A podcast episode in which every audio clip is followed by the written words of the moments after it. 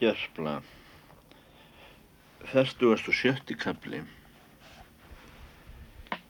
Í þetta brum kom skip á Grænalandi í niðar ós eftir fjóra missera útivist. Slík sigling þótti jafnan tíðendum sæta í Noregi. Áttu ekki öll skip afturkvæmt úr Grænalands för.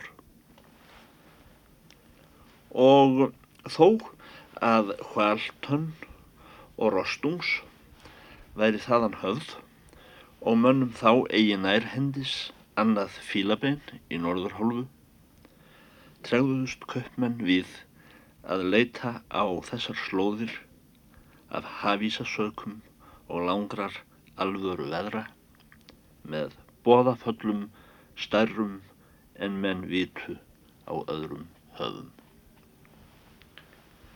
Og þá er skip kemur við land og finna þeir að máli hefð fyrsta konubarn í skjergarði í Noregi spyrja þeir að umskipti eru orðin í landi. Ólafur konungur Haraldsson frá ríki feldur og flýður í austurveg fyrir ofinum sínum en vinir hans flestir honum mótsnúnir. Nú er skipalið harmi lostið mjög af þessum tíðandum. Er þeir menn sem letu í haf með konungsvarningi fyrir fjórum misserum, taka aftur sama land og er þá óvinna land konungs.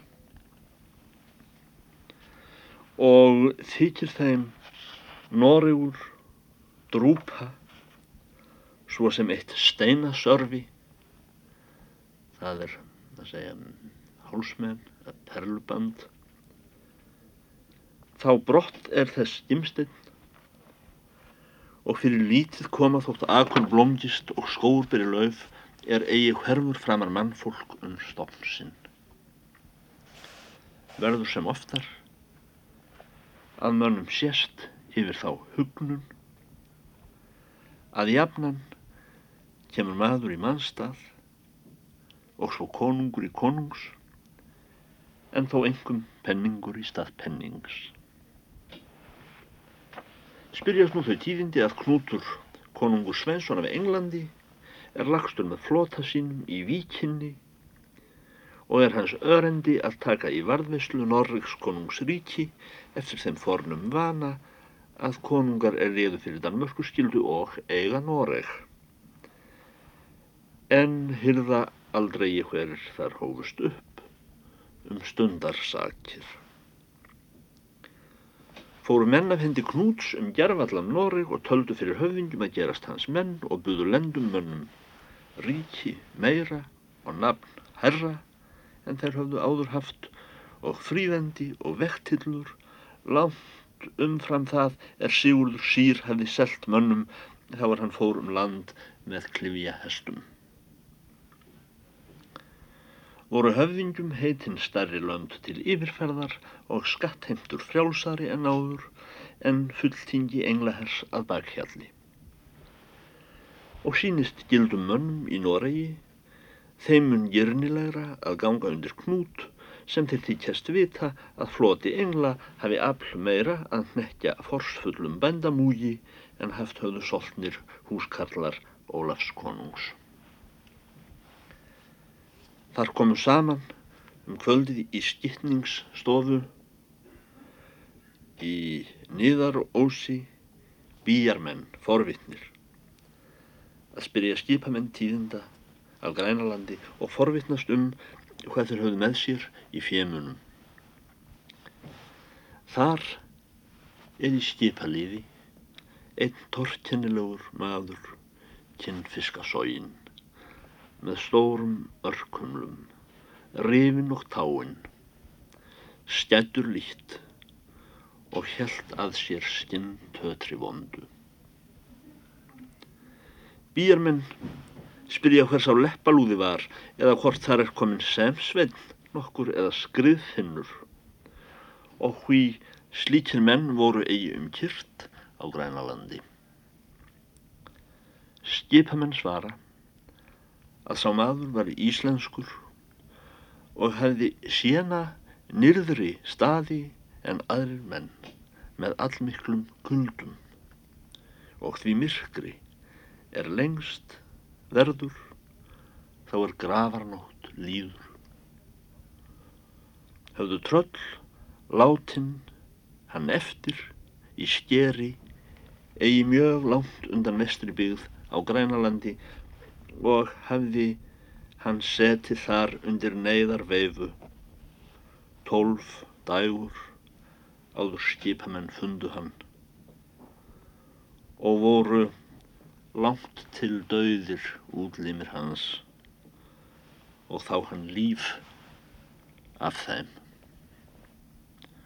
Höfðu ókunn tröll hittan mannin á ströndu í norðursetu og fluttan norðan og í stjær þetta. Það hefur jafnan hlægt norðmenn mjög.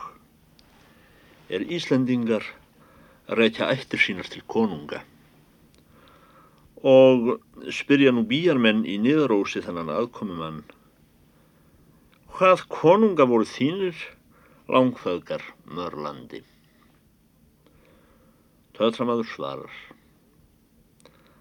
Garpar Ólafs konungs Haraldssonar voru mínir venslamenn mestir en sá nákomnastur sem þeirra var hjartaprúðastur. Þeir svöruðu Í flokki Ólafs Digra Haraldssonar voru eigi utan ragmenni og mútumenn. Og hefur sá best hér í þrændalögum er eigi ber sér í munn nafn, brennvarga og þjófa. En glögt má kenna af drambi þínu að þú ert að sönnu íslenskur maður þótt sérstu illa farin. Töðramaður svarar. Við erum Íslendingar, erum þeir einir norðmenn er horki láta kúa sig nýja kaupa. Þeir hlóðu og sögðu fyrn mikil er mold ríkur í lokni eða hví belgjast menn svo mjög af því að breytja mör í hennum istum útskerjum heimsins. Tötramaður segir Satt er það fyrir víst að við leituðum burt í vesturætt þá er Haraldur Lúfa brendi í Noregi. Og gerðumst við Íslendingar. Og held það til að við vildum eigi í lögum vera við þá menn er sig láta berja og drepa fyrir fjö. Höfðum við á brott við oss úr Noregi eigi fjö heldur skálmönd og garpskap og sögur forn konunga. Við færðum til Íslands höfuð mýmis og boðnar kær. En þér sitið döðir eftir, skáldum sneddir, bögumeldir og án fræðar af sjálfu miður. Mun Noregur ekki fræð hljóta um aldur, utan þá er hann þykkur að Íslandingum. Þeir sögðu að mál var að svo fræð er norðmenn hlutu að Íslendingum væri öll. Hefðu Íslendingar aldrei lofað í skálskapni formsögum, norðmenn, aðra en ofbeldismenn og illþýði, er landstjórnarmenn hefðu saman dreigð að ríða á landsmúk og tróða hann fótum. Teldu Íslendingar ekki til manna aðra en þá er drápu fólk í spyrðum. Sögðu bíjarmenn að sá afglapi með konungsnafni Haraldur Lúfa er Íslandingar flýðu var síst verri hinnum er skáld íslensk hafðu mest lofaða svo sem Ólaf hinnum digra. Þá gengur þar fram einn vildulegur maður. Úr stittningi gestjafans í hinnum innrum hyrningum stofunar. Búin vel kemdur prúðmannlega, svart eigur og ber sverð og armbög og þá er hann stígur nær, þagna staðarmenn eru dreyið höfðu spott að Íslendinginum yfir miðinum. Þessi hofnaður tekur svo til máls.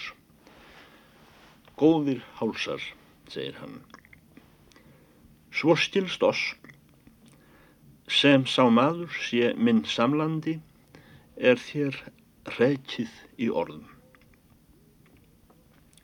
Og byggður að skoða hans sára fætur og líta á hvert torleiði sá maður hefur látið sér að baki og svo á það hver ristin er hans ásýnd. Hefur þessi maður víst miklu lengri vegu farna og erfiðari en þér. Má óvera að hann hafi fleira reynd en sumir þeir er hér þruma innan skerja í Noregi. Menn lítils geðs og lítilla sanda. Eða hvað manna ertu Íslendingur? Þá rýs undan drikju borðum þessi fátæklegur öldungur er bíjarmenn höfðu spott að dreyið. Vafður innan klæða hæru sekk, en skinntötri utan yfir. Fætur hans reyðir druslum og var fót sár og steini hvítar kjúkurnar haldur á báðum fótum. Fingur hans nokkra hefði og af lest, af kali, en kreptir í lofan þeir sem heilir voru. Af voru og eiru hans og skattur nefnbroturinn, tenn flestar út gengnar en skalli hvítur og ber, skegg gránengað. Þessi maður átti eigi vopna, nýja skjöld að bera fyrir sér og öngvan grýp þannig virðamætti til fjár. Og rýst þessi maður úr sæti fyrir virðulegum höfðingja samlanda sínum er þar tók máli hans af góðsemi og lætur upp nafn sitt og auðkenni. Ég heiti, segir hann, Þormóður og em bessa sonur af vestfjörðum. Nemdu mig sumir menn kolbrúna skáld við djúb og jökulfjörðum þá en við vorum yngri. Og er hann hefur þetta meld, gengur tyrknar maður í móti samlanda sínum þessum og likur hann örmum og minnist við hann og byður hann heilun vera. En ég heiti Sigvatur og en Þórðar sonur og höfðu við feðgar samið fræðskonunga mjög tótt slíkt þykir nú sem fyrr svipur sæmd, en hvern skópun ornir þér, Þormóður, sem þín fræði eru kunn hverju barni á Íslandi, sínist mér þó nokkuð hartleikin af systrum. Systur þýðir hér skapan ornir. Eg var ríkastur bóndi, vestur, meldi skáldið og brosti. Og hef þá konu átta er ágætasta getur við djúb, valkjörja að fegurð og göfuleik. Og við henni dætur tvær smár er táli prastar hafa verið einna og hlátur mildastar um vestfjörðu.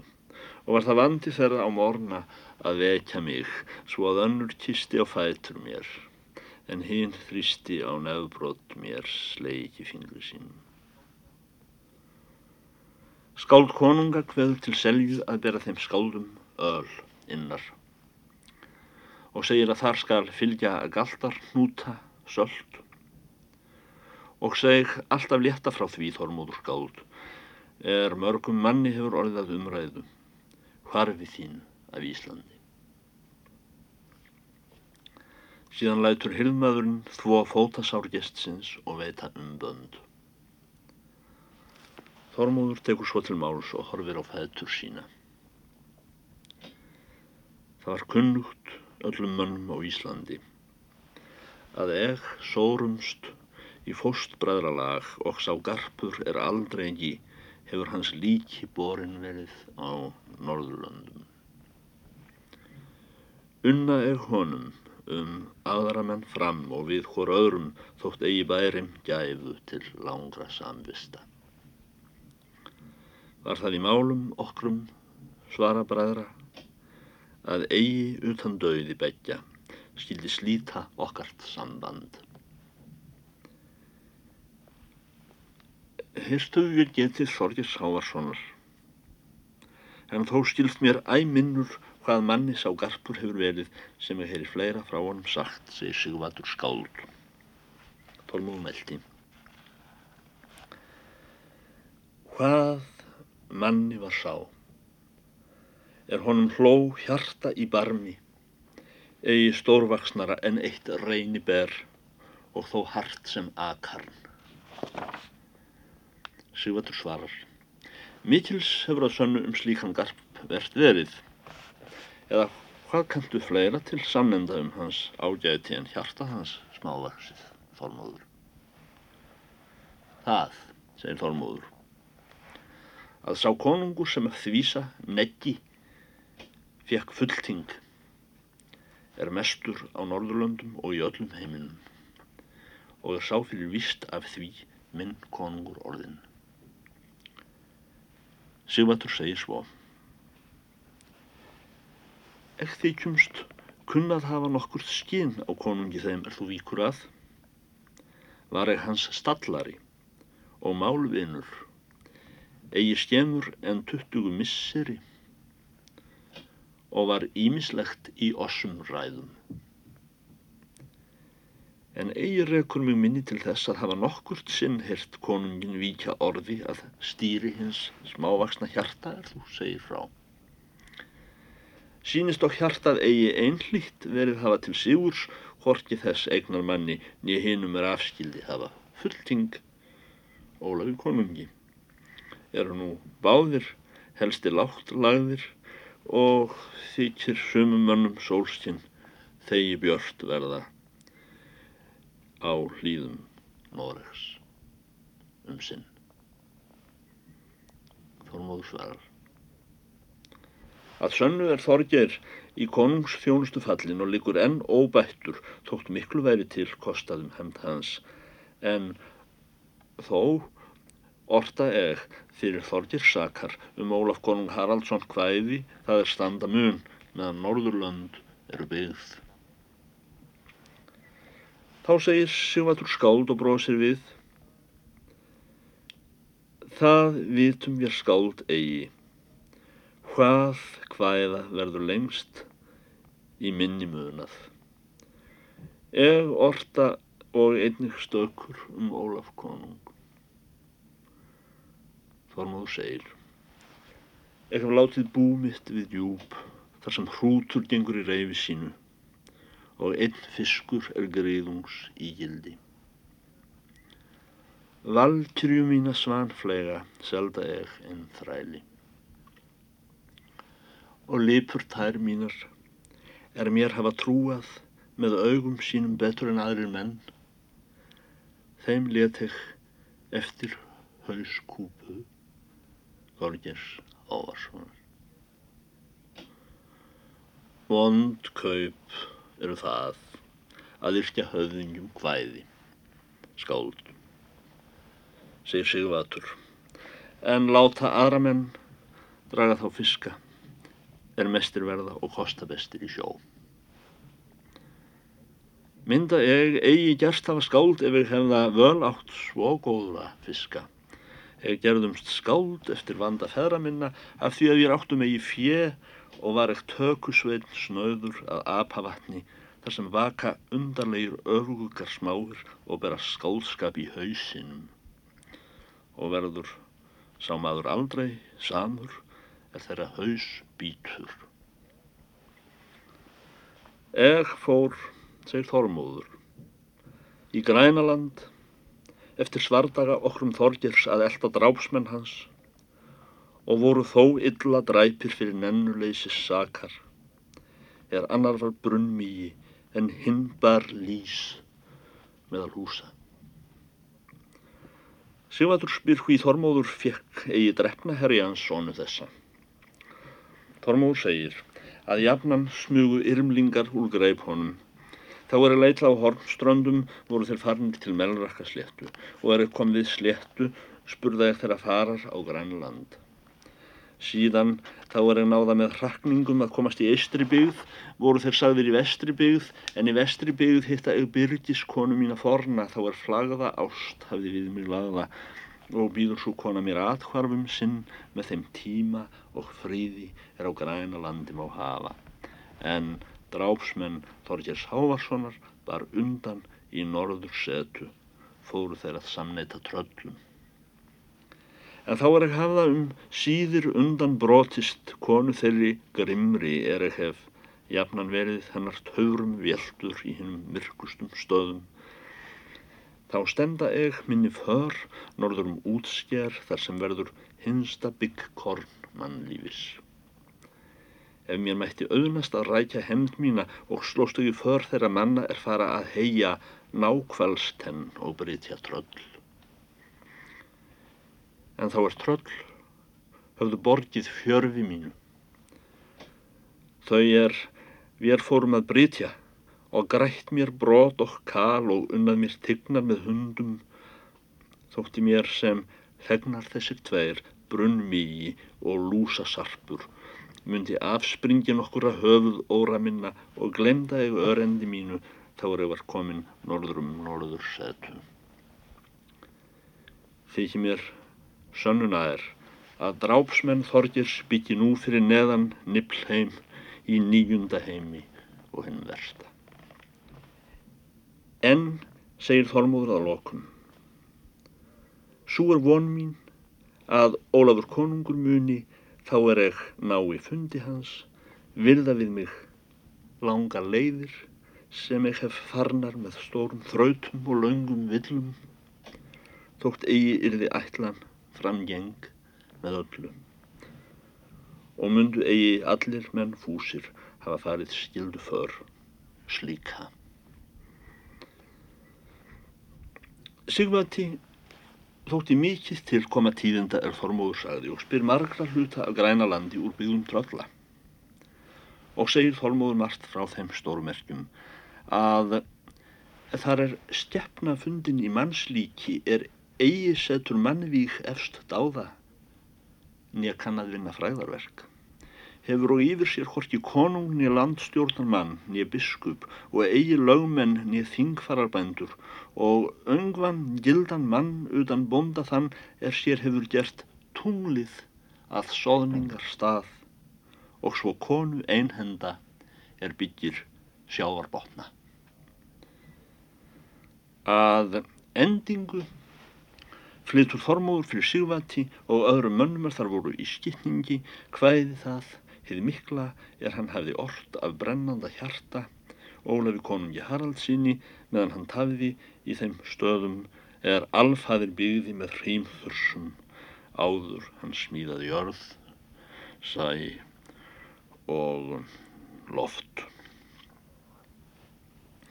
Sigvatur hlýður hvaðinu og svo þeir menn aðrir er þar drukku í mjöðranni. Og þá er Þormóður hefur á enda flutt setur menn hljóða af lofið því er þar var samanborið um Ólaf konung Haraldsson. Það lokum tekur Sigvaldur Skál Þórðarsson til orða. All gott er hvæði að sönnu, segir hann, og betra miklu en þau er egort að þeima konungi, og þó er hengur á. Gott hvæði er lítilsvert ef orð er um seinan. Það lof sem borið er konungi öðrum en þeim sem nú ræður landi er hverri þögn verra, þótt vel sé orð. Hvæði um fallin konung, það er ekki hvæða. Hvæði um Sigursælan konung, þann er í dagræðurlandi, það eitt er hvaðið. Og er Ólafur Haraldsson fyrr sér í sjálfri konungsborg sinni skáld en þá er sastu á grænalandi við tröllum og átti þess minnstar vonir að koma fyrir hans auðlit. Þormóður segir Það var oft í ræðum okkur um Þorgirs að hraust hjarta veri jamt og samt í sigri og falli og er það trúa mín að sá konungur sem fyrir ræður hjarta Þorgirs Hávarssonar livðu sem ólivðu muni að sönnu meira abla hafa um síðir en aðrir konungar í móti sínum óvinnum og muni um aldur standa hans merki tóttan falli. Því að ekki á sjálfum byðrastar voga er spyrnur við himni. Nýja heldur við djúb þar sem stóð mitt ríki og mín sæla og ekki á grænalandi allt í norður setu þar sem fiskar hafa tenn dýrri en í öðrum stöðum eða norðraf sjálfur í norður setu þar sem tröllráða þá er hvergi afl og fræð nema í einu saman því brjósti er geymir prútt hjarta. Sigvardur mælti. Ég veit, Þormóður, að þú hefur ratað í lífsháska fleiri en aðrir menn. Sögum yfirvættis hreisti þinnar er ekki býður í augum að fara nokkra skilda för. En af öllum voða þeim er ofurhugi fái í ratað. Vileg af sannri raun vara þig við þeim er harðari er en velkjast fyrir grænalandi og verða skipreika í norður setum. En það er að bindast á hendi landstjórnar manni, hversu ágætur sem hann er.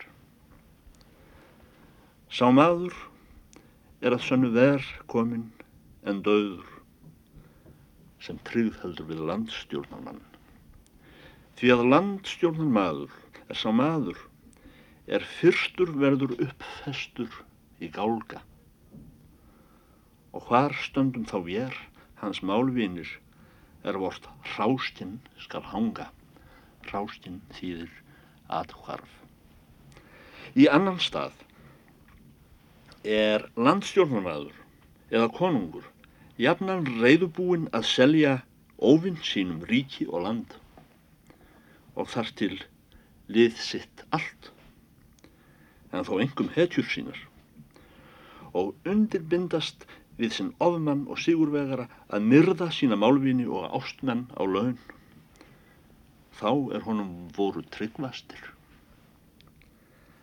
Landstjórnamaður er einn manna í landi frjáls að ganga í flokk óvinna sinna.